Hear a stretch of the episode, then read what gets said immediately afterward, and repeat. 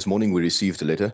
Uh, we were on our way uh, on the 12th of April to have a meeting before the court case, which um, uh, would have then uh, tested the merits of having a state of disaster for uh, the electricity crisis. And this letter instructs us that, um, well, or tells us that the, the minister, uh, the Kokla minister, will be withdrawing the state of disaster. They'll also be declassifying the energy crisis as a disaster, and thus our court action. Uh, there's a request to withdraw the court action, um, since uh, the state of disaster will no longer be valid. Um, so this this obviously means that government has, uh, from at least from our perspective, this is a letter from the state of attorney. It's an official letter through, received through our legal representatives. So we have no reason to believe that this isn't authentic. Um, but that means government has uh, uh, gone a different direction. They've uh, they've now uh, seeded their plans uh, to be in a state of disaster to try and manage the electricity crisis. So, if we just take a few steps back, uh, when government actually gazetted uh, the regulations to give effect to the national state of disaster uh, pertaining to the uh, severe mm. impact of the electricity constraints, why did you feel that this needed to be challenged?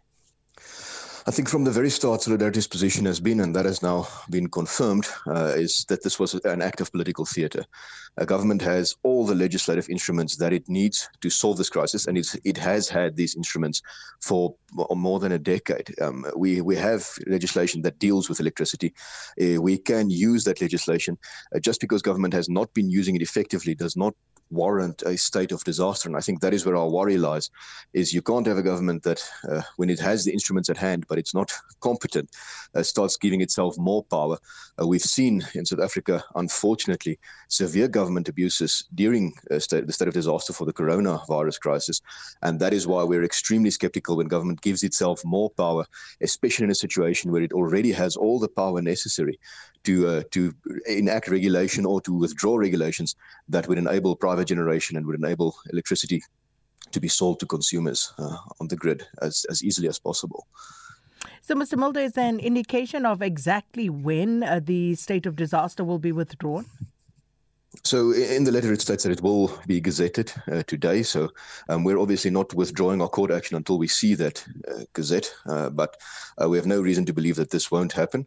Um, and uh, from our perspective, that's just it's an uh, implicit admission of guilt on government side that states we didn't actually need the state of disaster to solve this. Um, we've just not been doing what we should have, given the legislative instruments at hand. And suddenly, the urgency has, has, has hit them 16 years into the crisis. And now we've seen several uh, regulations being enacted, but none of them actually re- reference the state of disaster. All of this was possible uh, way before. And I think that should make us, as ordinary South African citizens, extremely angry. Is we've, we've had the tools to solve this problem for several years, and government has been sitting on their hands. So, what is to be done now? Uh, because you said you will, of course, hold on until uh, the Gazette is actually passed and uh, we actually get to see that. Um, but where to from here? I think the first thing is it's it's a very uh, important precedent to set that government can't mismanage something into a crisis and then declare a state of disaster to give themselves more power. And this is something that in South Africa, unfortunately, uh, will become more relevant with uh, water management as well as uh, roads management. And we need to ensure that government sticks with the form of government that we have. It needs to be a democracy, not a disasterocracy, as we've seen. Um, the second part is we're we're still adamant that the solution to the energy crisis lies in massively increasing private private generation and allowing uh, private generators uh, access to the network as easily as possible, making it possible for people to produce electricity and sell it to consumers like any other good as easily as we can. Now, there are several ways to do this that we've stipulated. We've we had a report last year. Uh, the best one now would be uh, for government, from what we can tell, uh, generation is happening in the private sector. Uh, we're getting stuck on connecting these generators to the grid, and that means the singular focus should be uh, withdrawing regulations that prevent access to the grid for private generators making sure that we get these electrons onto the network and get them into people's houses as easily as possible. Now, that would imply uh, NERSA should start publishing guidelines for feed-in tariffs as well as wheeling tariffs that incentivize uh, private generation. Uh, what where we're going is we're going to a situation where the, the solution for this energy crisis uh, lies on on the roofs of millions of South African citizens. It doesn't lie in the corridors of power, as we've seen government try to enact thus far.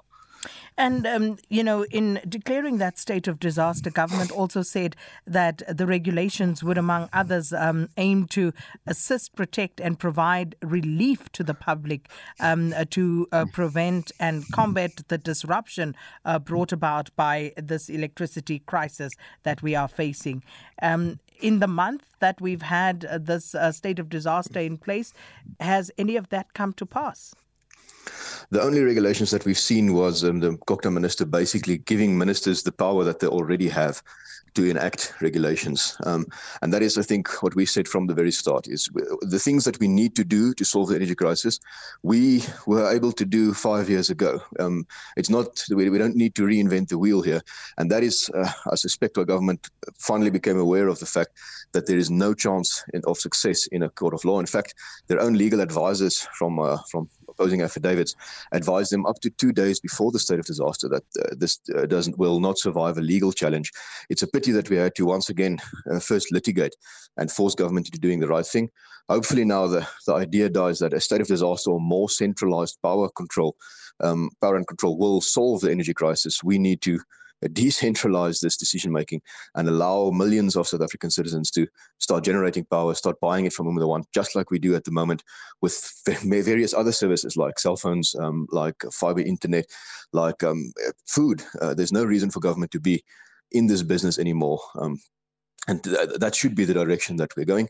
Regarding regulations specifically for relief, um, none were actually published uh, so that specifically fall under the state of disaster. And if necessary, uh, we can obviously government already has an extensive grant system. We had a budget recently, so uh, there are there's more than adequate legislative instruments to try and address this um, without resorting to giving yourself superpowers like in the COVID uh, disaster, and uh, and then trying to manage it all centrally once again. Connie Mulder, thanks so much for your time. Uh, Connie Mulder is the head of Solidarity's Research Institute.